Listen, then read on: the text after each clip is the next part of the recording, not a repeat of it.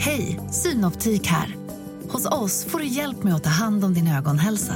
Med vår synundersökning kan vi upptäcka både synförändringar och tecken på vanliga ögonsjukdomar. Boka tid på synoptik.se.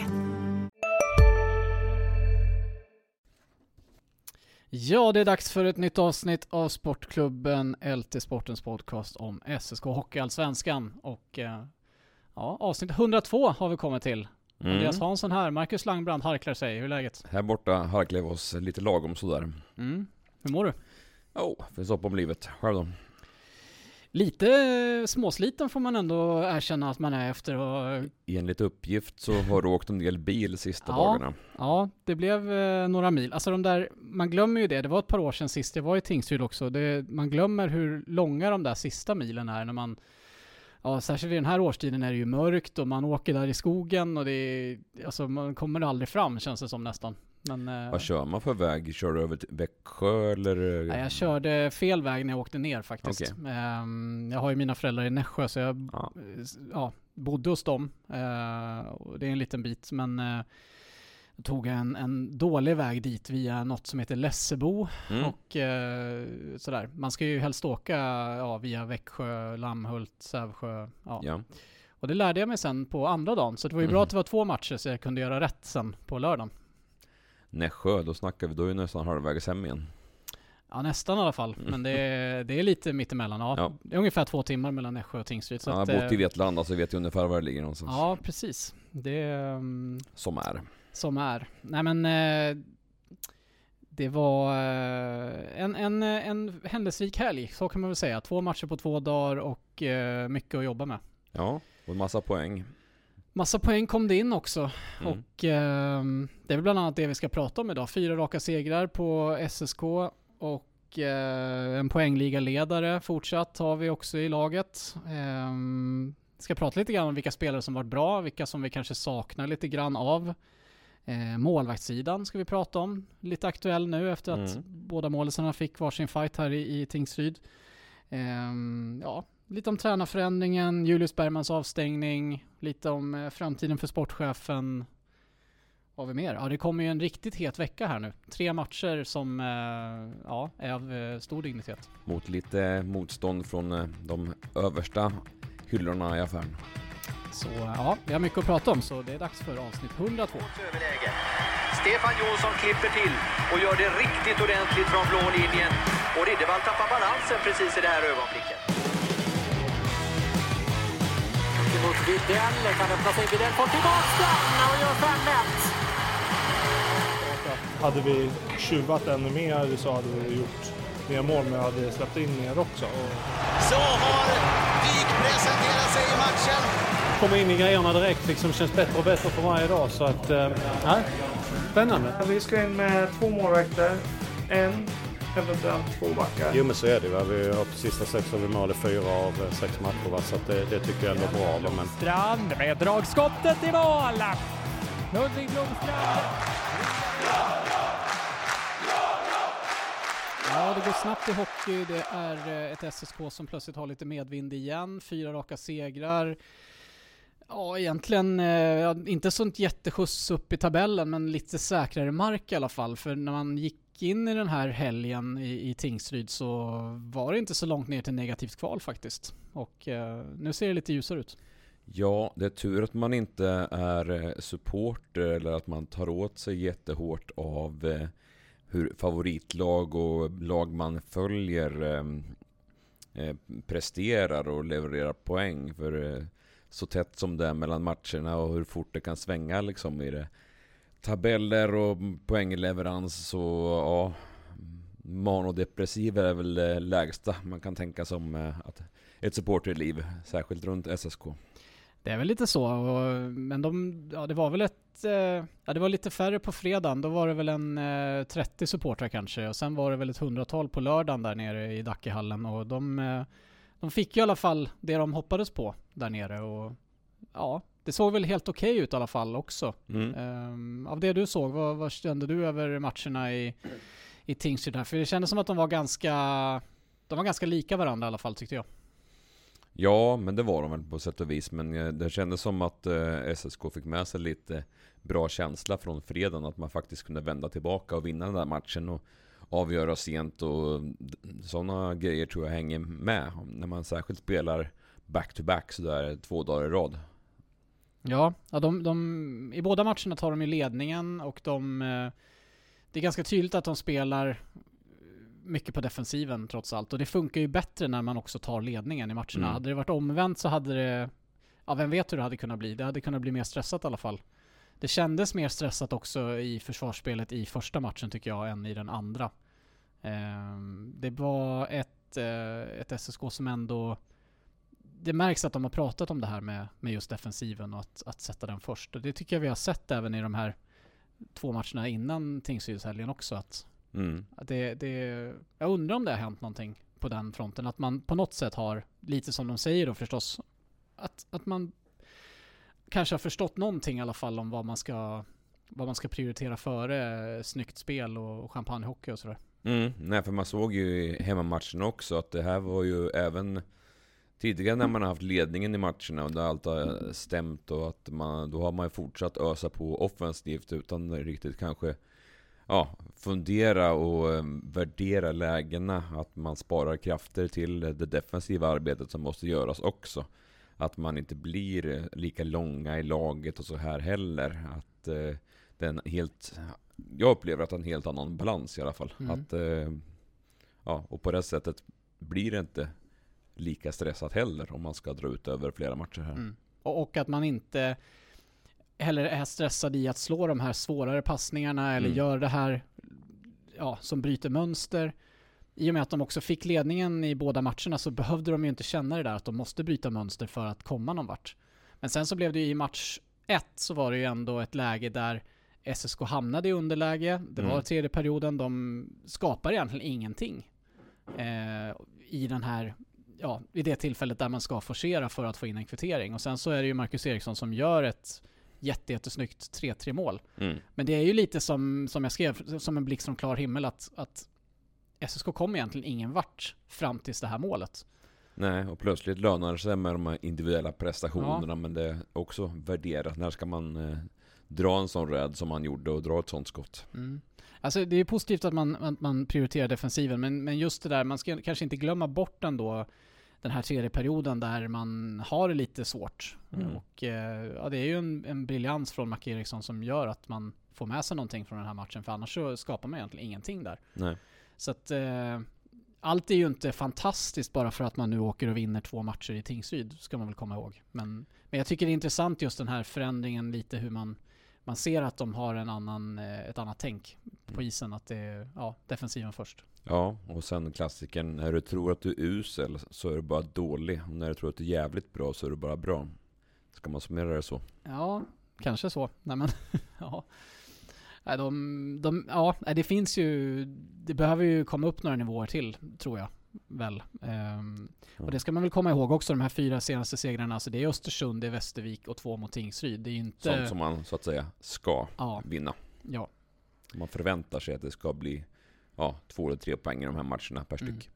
Nej men precis, man får ju liksom verkligen inte sväva iväg här och tänka att åh vad allting är bra plötsligt. Utan det är ju Ja, det är ju den här veckan som det kommer att testas på riktigt egentligen och se lite var Ja, om det är någon förändring eller inte, om det är någonting som är bättre. Och eh, Ja, det kommer testas ordentligt nu eh, när man möter Brynäs, Djurgården och, och Västerås här den här Mm. veckan. Så att eh, man får väl vänta lite grann med att dra allt för stora växlar, tycker jag. Ja men okej, absolut. Det är ehm, Samtidigt som man skapar sig någon slags arbetsro så att man inte jagar det på samma sätt in i den här veckan. Mm. Ja, det hade ju varit tufft såklart att komma till den här veckan och kanske vara ja, tre poäng från negativt kval fortsatt till exempel. Och det är klart, hade man inte vunnit ja, säg tre av fyra i den här, Mm. den här, det här spannet så hade det nog Ja, då hade det nog varit ganska hårda ord på sina håll. Det tänker jag också. Ja. Ehm, men vi kan väl prata lite grann om Marcus Eriksson för att eh, ja, åtta poäng på fyra matcher. Två Ja. i varje. Ja det är fint då. Ja, det är en, eh, ja, det är en riktigt bra form som han, eh, som han har just nu. Vad, vad säger du om, om hans spel just nu?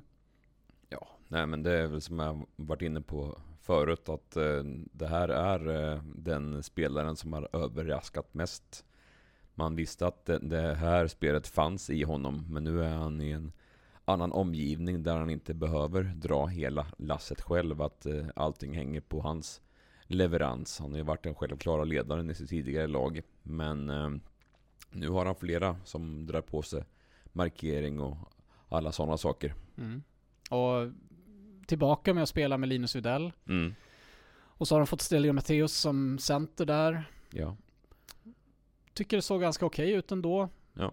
Matteus tycker jag, jag tänkte väl komma in på honom lite senare, men, men att eh, ja, gör det helt okej som center så och, och Videll är ju, är ju bra så. Mm. Eh, men ehm, ja. Jag tycker inte att man ser Marcus Eriksson så mycket i matcherna så. Han, han blixtrar till emellanåt och dyker upp när han ska och, och jag menar han var ju också en av de som egentligen inte gjorde någonting offensivt Mm. fram tills det här 3-3 målet i match 1. Han har blivit mera utpräglad målskytt än han varit tidigare kanske. För eh, i regel så levererar han ju dubbelt så många assist som mål under sina säsonger. Men nu så är han ju uppe på, ja, snuddar nästan lika god leverans när det gäller skottet som passningarna. Mm. Ja. Ja det, är du förvånad någonting över att han har ett så bra skott som han har? Det här 3-3 målet är ju, är ju ett fantastiskt skott. Ja, det är ingenting som jag har tänkt att det kännetecknar honom på det sättet. Men eh, ja, bra teknik överhuvudtaget. Vet vad han har, eh, pucken och klubban så. Mm. Och leder eh, poängligan gör han eh, 24 poäng efter 17 matcher. Miles Powell har också 24, men han har ju spelat 19 matcher, så då får man Mm. ändå säga att Mac Eriksson leder poängligan. Ja. Ehm, vi kan det- väl höra honom förresten? Ja, vad Mm. tänkte du säga? Ja, nej men det är väl eh, när jag tittar tillbaka så är det första gången eh, på hockeyallsvensk nivå i alla fall som eh, han snittar över en poäng per match också. Det, han har ju varit långt över när han spelade eh, Hockeyettan med hästen. Men under eh, Hockeyallsvenskan så har han bara varit uppe och, och nosat på en poäng i snitt. Men ja, det är fortfarande bara början av säsongen känns det som. Ja men så är det ju såklart, men eh, ja, men, men de facto leder han poängligan. Mm. Vi, ska väl höra, vi kan väl höra vad han säger själv om att leda poängligan. Nej men det är, det är väl kul att det, att det trillar in liksom. Eh, eh, ja, försöker jobba på och, och ta mig in på mål och göra lite, lite skitmål och ja, ja men försöker nyttja mina, mina styrkor liksom. Och nu har det studsat med ganska bra på, på slutet här. Och, ja, det kommer komma tuffare tider med men det är klart att man klagar inte så länge det, det trillar in liksom. Det gör man definitivt inte. Nej. Men eh, hur högt har du varit i poängligan i Allsvenskan? Vet du det? Ja, dålig, dålig koll faktiskt. inte vunnit men- i alla fall? Nej, det har, det har jag inte gjort. Jag var väl, jag vet inte, ja, tre, ja, trea, femma när HV var någonstans där. Då hade jag väl 49 på 50 eller något sådär. Mm. Eh, Det är väl bäst hittills. Så att, nej men det är klart att det är kul att, att det går bra liksom, men det, det är ju ingenting som har varit ja, men roligt när vi, när vi förlorar liksom, spelar det ju faktiskt ingen roll utan vi, vi vill ju upp i tabellen, det, det är där som mitt, mitt huvudfokus är liksom. Och vinner vi och jag inte gör poäng så är jag lika glad som, eller är jag gladare än om vi förlorar och gör tre poäng liksom. Det, det, det, det är så det fungerar eh, i mitt huvud i alla fall. Så att, eh, eh, men samtidigt så, ja men otroligt kul att det går, går bra på den biten liksom. Och eh, jag hörde du fick frågan i TV4 också om, om att du är på väg mot 70 poäng någonting. Ja. Nu är det väl ännu mer, jag har inte kollat på men, eh, men Ja. eh, det, det, vad säger du om det? Ja, liksom? nej. På väg mot över Ja, 70 poäng. ja, nej. Den, den ska vi inte stirra oss blind på. Utan vi kör en match i taget helt enkelt, så får man eh, ja, men jobba därifrån. Mm, han eh, vill inte prata så mycket om att han ska göra över 70 Mm. poäng. Kommer han göra över 70 poäng? Ah, det, det är väl dumt att uttala sig om och lova sådana saker även från, från Mackes sida. där- Därför han skrattar bort det. Han vet eh, hur det är och att det här leva i nuet, ta en match i taget. Det är lätt att hala fram sådana klyschor i det här läget. För man vet ju inte, man ska ju inte jinxa någonting åt vare sig ena eller andra hållet vart den här säsongen tar, tar vägen någonstans. Man kan ju säga så här att ska han göra över 70 poäng, då behöver han göra mer poäng mot de bättre lagen Mm. än vad han har gjort. Ja. Därför att han hade ju faktiskt noll poäng mot, i de tre matcherna mot AIK, Brynäs och Björklöven Mm, när SSK förlorade. precis. Där vill man ju se mer leverans. Ja, det är en sak att göra, vad ska man säga, garbage-poängen. Mm. mot eh, lag som man ändå gör mål mot. Men nu ska man visa mot eh, rätt typ av motstånd att man faktiskt är en av seriens bästa spelare. Då ska man kunna göra det mot de bästa försvaren också. Ja, alltså verkligen. Alltså det är ju... Ja, man behöver ju vara... Man kan ju inte bara vara bra mot de sämre lagen. Alltså det, då kommer ju inte SSK komma dit, dit man vill. Så att eh, det kan man väl efterfråga från, eh, från honom tycker jag. Och eh, Mm.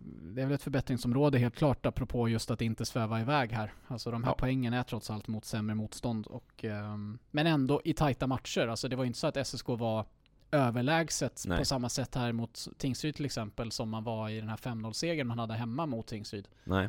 Det här var ju betydligt tuffare matcher och, och täta matcher. Mm. Så att eh, på så sätt är det ju ändå bra. Så är det ju. Sen det här med att han återigen spelar ihop med Linus Widell också. Det, när, när det här eh, infördes så att säga i början av säsongen, när de spelade ihop med, med Engsund i mitten, då till en början tänkte jag att det här är för mycket eh, tårta på tårta egentligen med eh, två så pass spelskickliga spelare som kanske skulle kunna placeras med en, en sniper istället på andra sidan. Men med facit i hand när Videll och Dyk tillsammans kanske inte leverera riktigt på den nivån. Och samtidigt så var ju poängsnittet när Videll och Eriksson spelade ihop klart högre. Och de här, det är ju två spelare som känner på sig någonting. Att de, de vet den andra är så pass spelskicklig så han vet vilka ytor som man kommer leta sig mot eller passa mot. Så ja, det, är bara, det visar ju bara att det här är eh, spelare som kan spela ihop. Och eh, vi ska väl komma in på just förändringar med tränar på tränarsidan också nu här, alltså vad, vilka förändringar som har skett eh, under Mm. de här matcherna. Men en sån är ju att eh, alltså Videll och Marcus Eriksson spelade tillsammans just med Stelio och Matteus.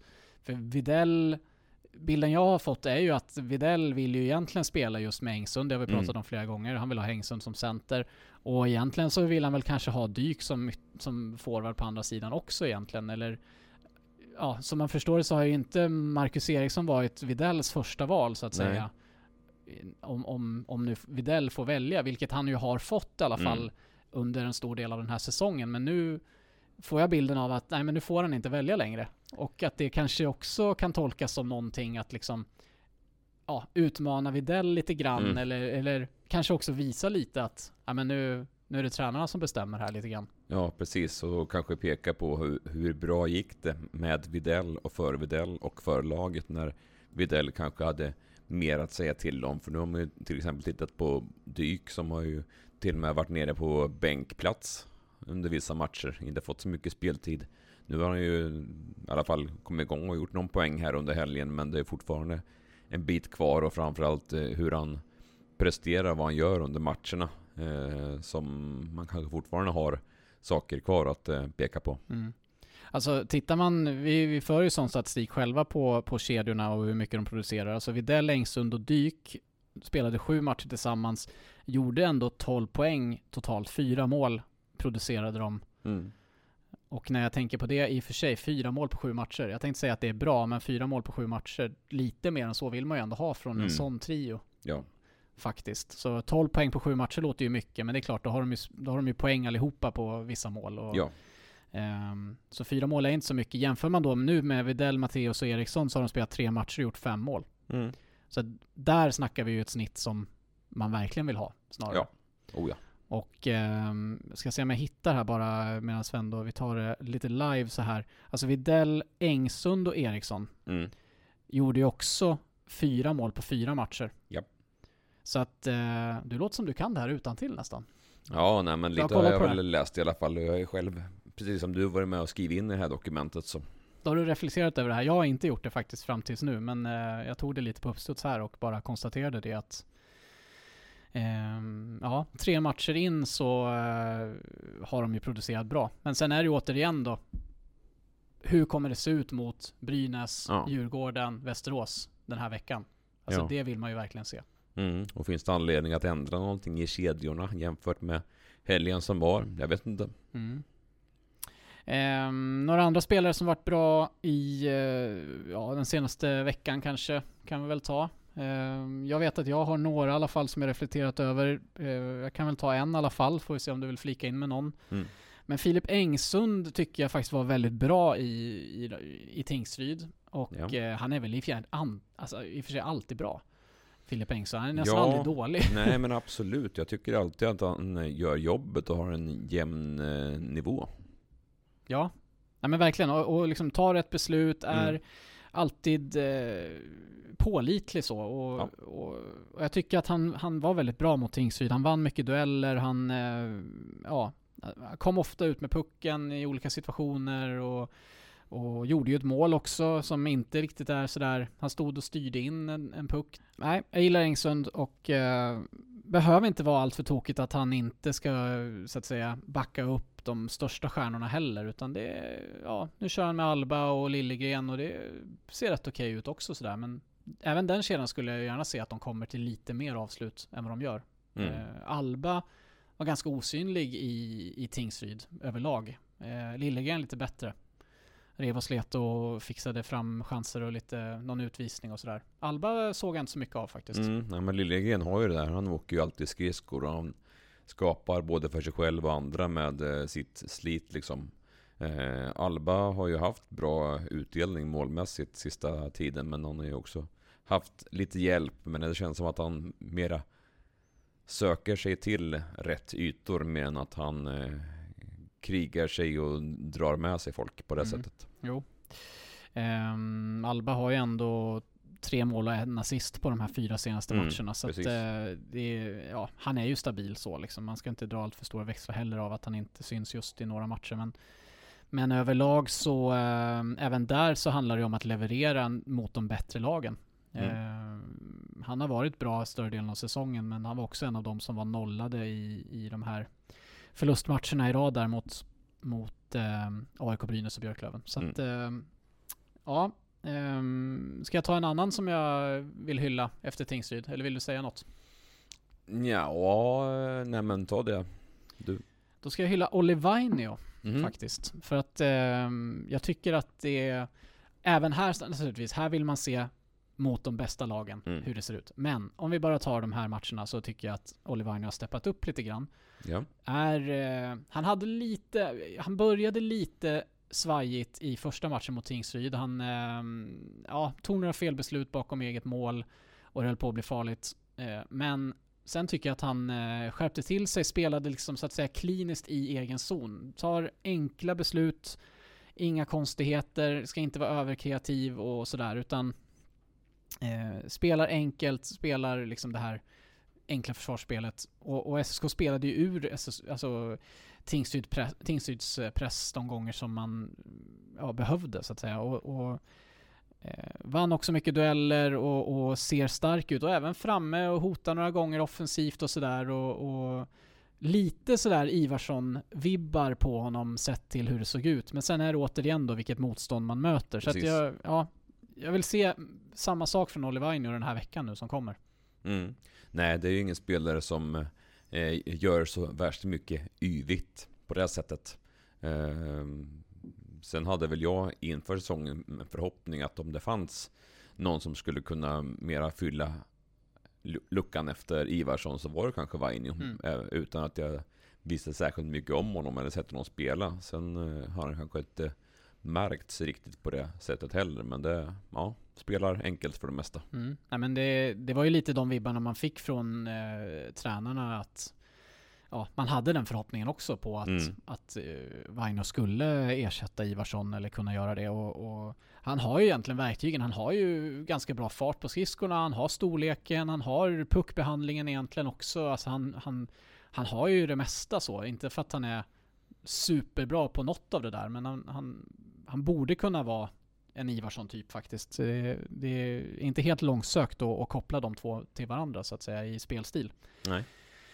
Annars eh, tänkte bara, jag spanade lite kring Stelio Matteus just också eh, hur han är som center. Jag tyckte det var intressant att se i alla fall att han eh, löser det mesta ganska bra. Eh, han har ju varit lite sådär eh, felplacerad i, i defensiven ibland. Eh, han hade ju någon hemsk match där om det var Björklöven borta som ja, han precis. Det var... Ja, då var han all over the place. Men nu, bättre nu i alla fall.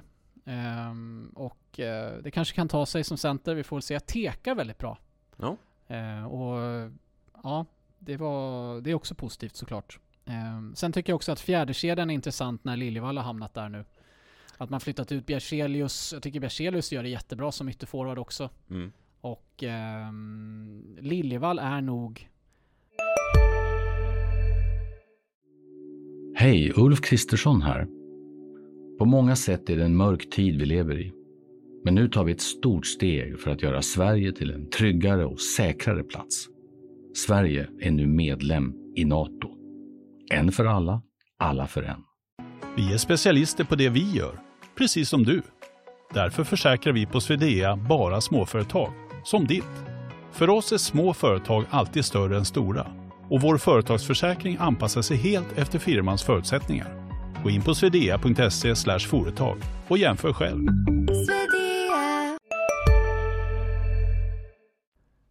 Alltså det är, det är ju... Man gillar ju Liljevall men det är frågan om han är något mer än en fjärde center nu.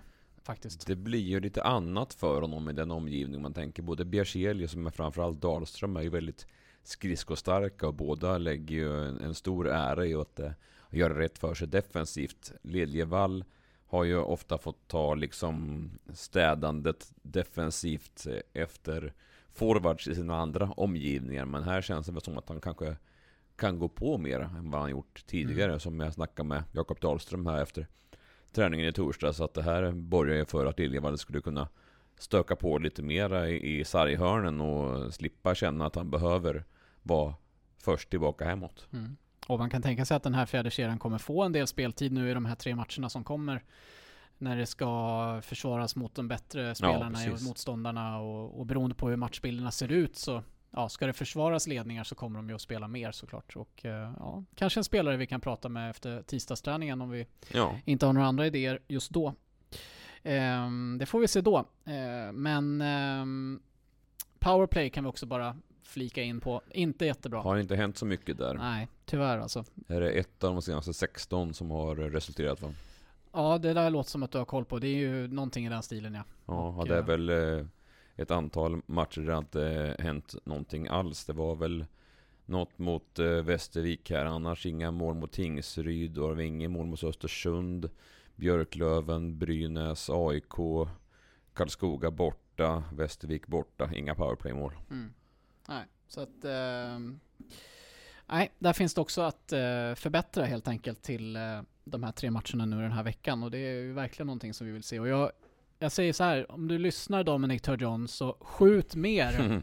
Han skjuter ju aldrig, han mm. har ju lägen. Han, han står ju där i, i Blomstrand-positionen och de sätter ju upp han gång på gång, men han ska ju alltid ta emot pucken och passa. Mm. Skjut!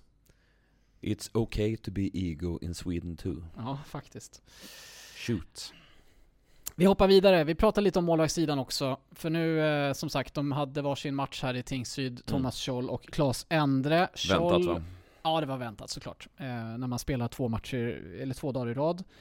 Ehm, eh, och Scholl, eh, ja, han släpper ju ett mål där mm. som gör väl att man blir lite fundersam fortfarande ja, kring honom.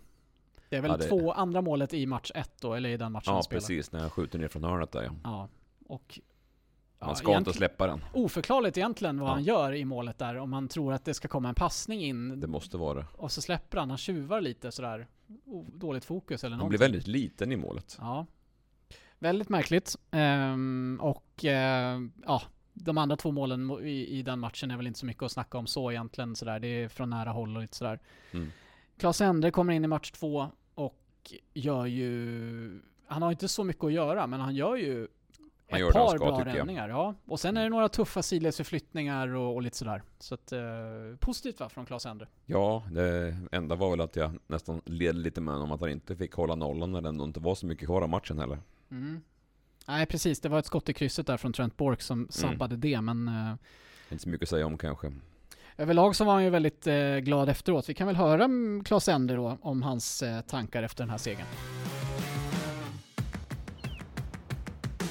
Nej, men det är klart det är alltid kul att hjälpa till laget och, och vinna med, med någon viktig räddning här och där. Mm. Uh, skönt för mig som inte spelat, komma in och ändå och, och, visa att det har känts väldigt bra på träning, det har känts bra ända sedan jag kom hit. Uh, jag och Thomas tävlar varje dag, har en superbra dialog. Jag och Kalle jobbar superbra också, trivs verkligen mm. superbra där jag är. Eh, så det är klart det är skönt att få, få hjälpa till och, och få ut den känslan som jag har haft på träning och egentligen under hela säsongerna. Få ut det på match också. Mm. Men hur har det varit då att, att eh, ja, sitta så mycket på bänken som du ändå har gjort? Så att? Hur har det varit? Ja, men det, det är klart, det är väl både och. Det är, jag är medveten om, om situationen eh, redan innan säsongen. Eh, sen som sagt är jag... Eh, jag är superglad där jag är ändå. Det är liksom, jag har aldrig varit någon sån som tycker det är någon idé att grina liksom bara för att det inte får spel. Utan jag är nöjd och glad för att eh, jag börjar hitta det spel som jag vill spela. Eh, och göra det kontinuerligt liksom varje dag med Kalle. Eh, så jag går egentligen bara och väntar på chansen hela tiden och försöker njuta så mycket som det går Mm. eh, när jag väl får den och försöka ta den. Så det, ja. Men det ja.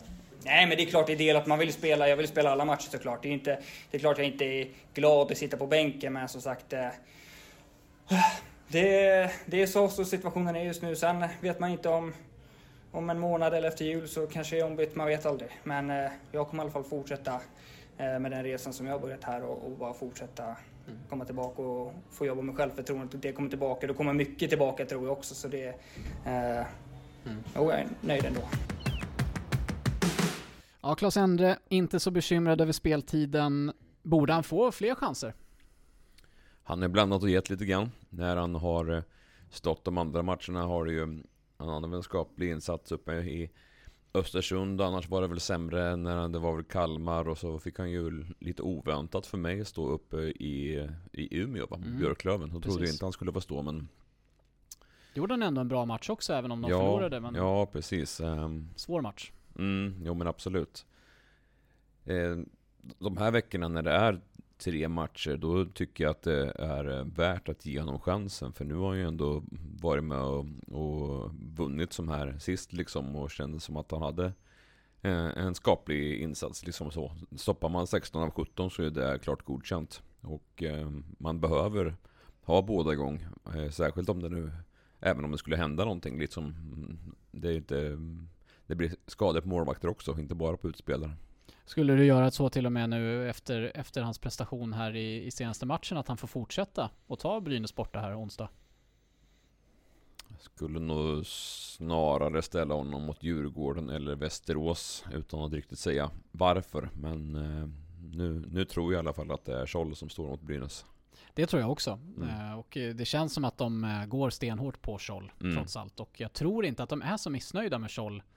Det är mer eh, sociala medier-fansen Mm. som är eh, Alltså i, i, ja det var ju konstigt formulerat. Mm. Eh, Fansen i sociala medier, Ja. de är mer kritiska kanske. Ja. Det är de man ser och hör i alla fall. Man ser ju en tabbe och man hör ju när någon är missnöjd. Det är väl just det. Men eh, man får konstatera att SSK inte släpper in sådär väldigt mycket mål heller. Det är väl fyra lag tror jag i serien. Nu är det väldigt haltande tabell här som har släppt in färre mål. Så på det sättet är det ingen katastrof. Men folk förväntar sig väl kanske att han ska kliva fram och bli större.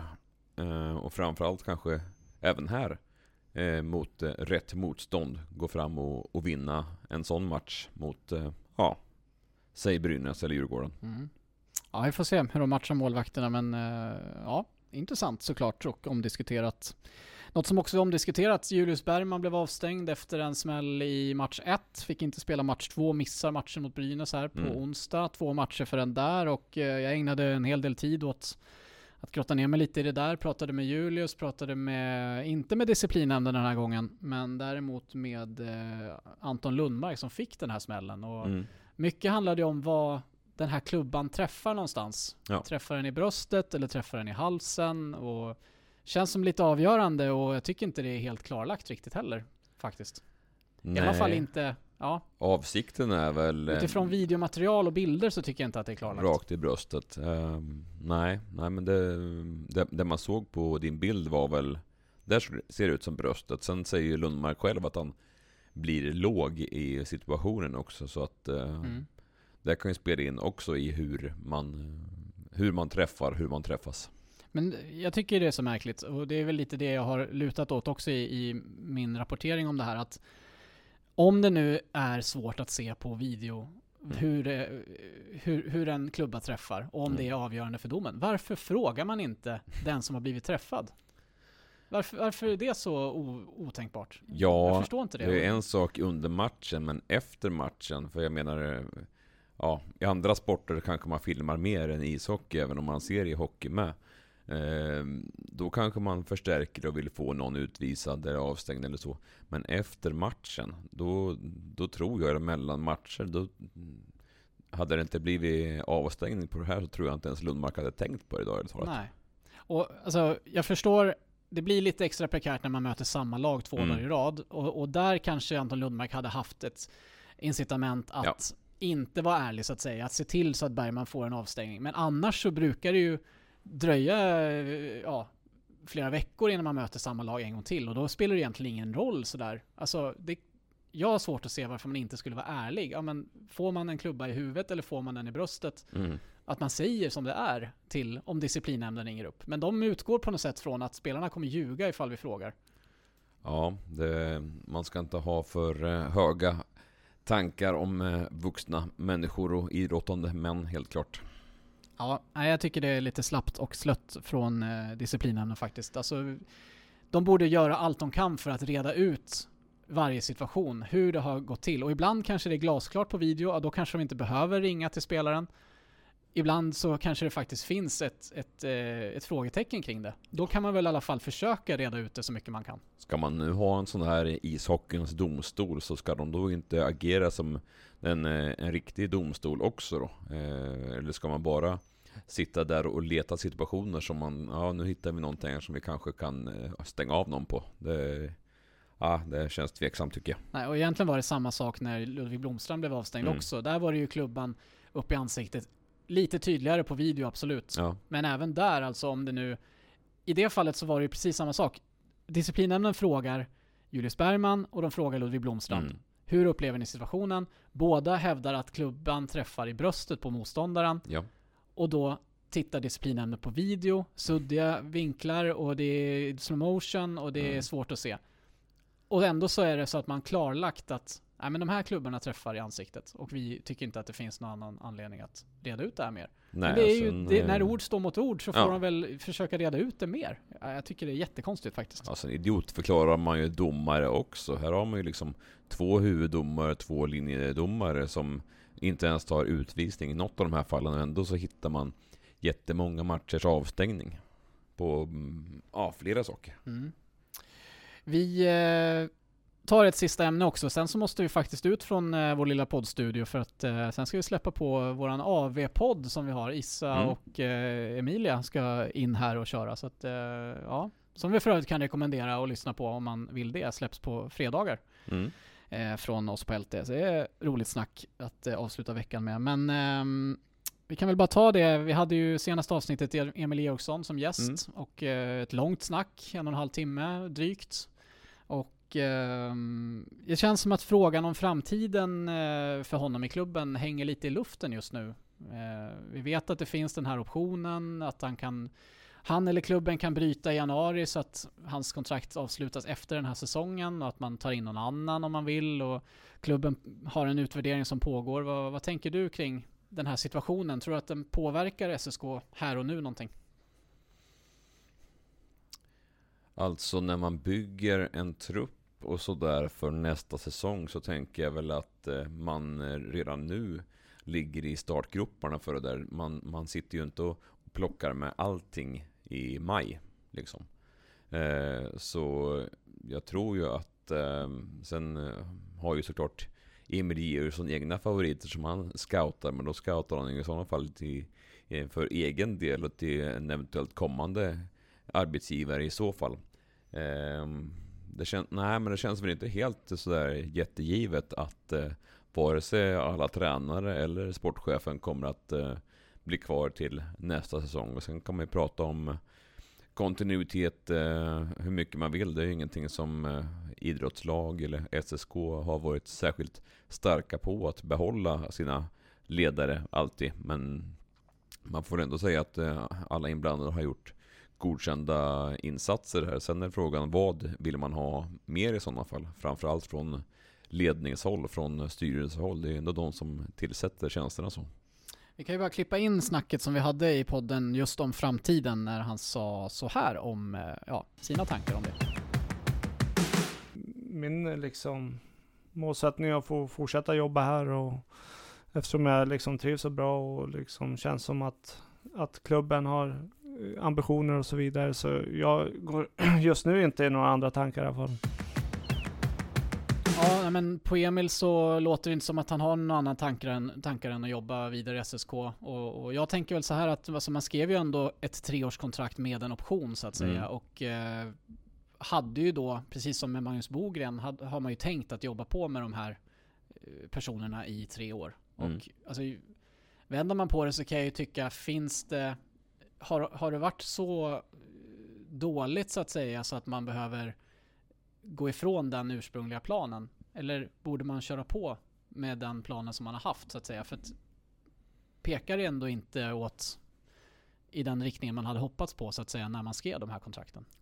Frågar du supportrar så kan det ju ena veckan vara avgå alla och åka hem till Västervik och åka hem till Helsingborg och allt vad vi Men undrar hur, ifrån. hur stödet ser ut egentligen alltså. Det, det, jag tror det är de som är kritiska som hörs mest bara. Ja, men hur så, många är de? så är det ju. Men det är alltid... Ja, de som är nöjda säger ju sällan så mycket. Det är ju när man är missnöjd som det hörs saker och ting. Eh, och det som han också är inne på, man får ju också respektera var man var för ett och ett halvt år sedan. Precis innan han kom in. Han, han visste ju knappt om man skulle komma hit och i sådana fall om det skulle vara en division 1-klubb eller allsvensk klubb Mm. liksom som man i sådana fall skulle tillträda. Eh, nu är man ju någon helt annanstans eh, rent sportsligt. Det, det finns ett, eh, upplever jag, ett annat stöd även från läktarhåll och sådär. Och eh, nej, jag, jag vet inte. Visst att det finns krav på att man ska upp i SHL så småningom, men att man inte är eh, med från start eh, redan där och utmanar de platserna, jag vet inte. SSK har alltid varit en slow starter oavsett vad man haft för eh, ledning. Alltså jag tror ändå att man får se det som att det tar ändå mer tid att Mm. få upp en, en klubb på en, säg en topp 4, topp 2. Alltså det är dit SSK vill. Alltså, Mm. Jag vet inte hur de ser, jag har inte frågat om målsättning för nästa säsong så att säga, om de är kvar i Allsvenskan, vilket de väl ändå troligtvis är. Ja. Ehm, att, eh, ja, är det då, siktar man på topp 2 då eller så? Alltså det vet jag inte, men, men man får ändå tänka att det tar sin tid att få upp en klubb på den nivån. Det finns andra klubbar som har varit mera stabila, topp 6, topp 4 i modern tid än vad SSK har varit också. Som fortfarande krigar på i toppen och det är flera på flera nivåer. Både på hockeyallsvensk nivå och hockeyettan-nivå. Att i vissa fall när man bygger så tar det tid. Men jag tänker att när man låter det gå och man jobbar in en stabil grund så blir det som ett hållbart stå på också. Ja, en fråga som vi kommer eh, fortsätta ha koll på naturligtvis längre fram. Ja, nej men nu får vi nog eh, nöja oss för den här gången faktiskt. Mm. Så, eh, Hur många poäng ska SSK ha den här veckan då för att eh, du ska känna att det är okej? Ja, ehm, nej, jag förväntar mig inte att de ska vinna mot Brynäs. Ehm, ja, det är svårt. Djurgården och Västerås är luriga sådär. Men eh, jag tycker framförallt att det måste se, se bra ut på isen. Mm. Det är nästan det viktigaste känner jag. För det är fortfarande tidigt på säsongen. Och jag vill se att, att eh, det man pratar om hela tiden om att bli bättre på, att det också Mm. blir bättre.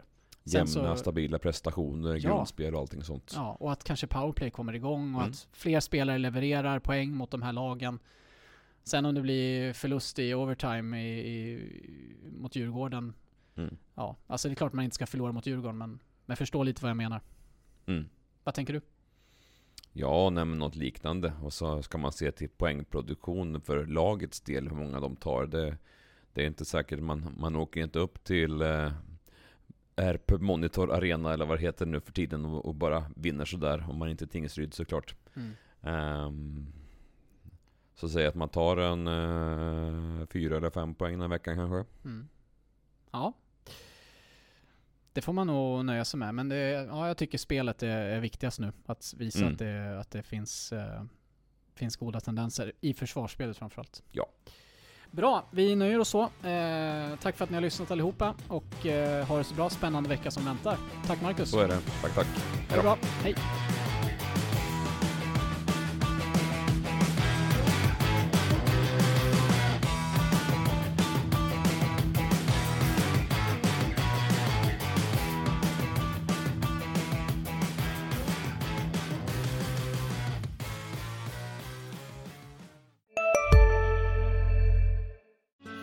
Susanne Axel här. När du gör som jag och listar dig på en av Krys vårdcentraler får du en fast läkarkontakt som kan din sjukdomshistoria.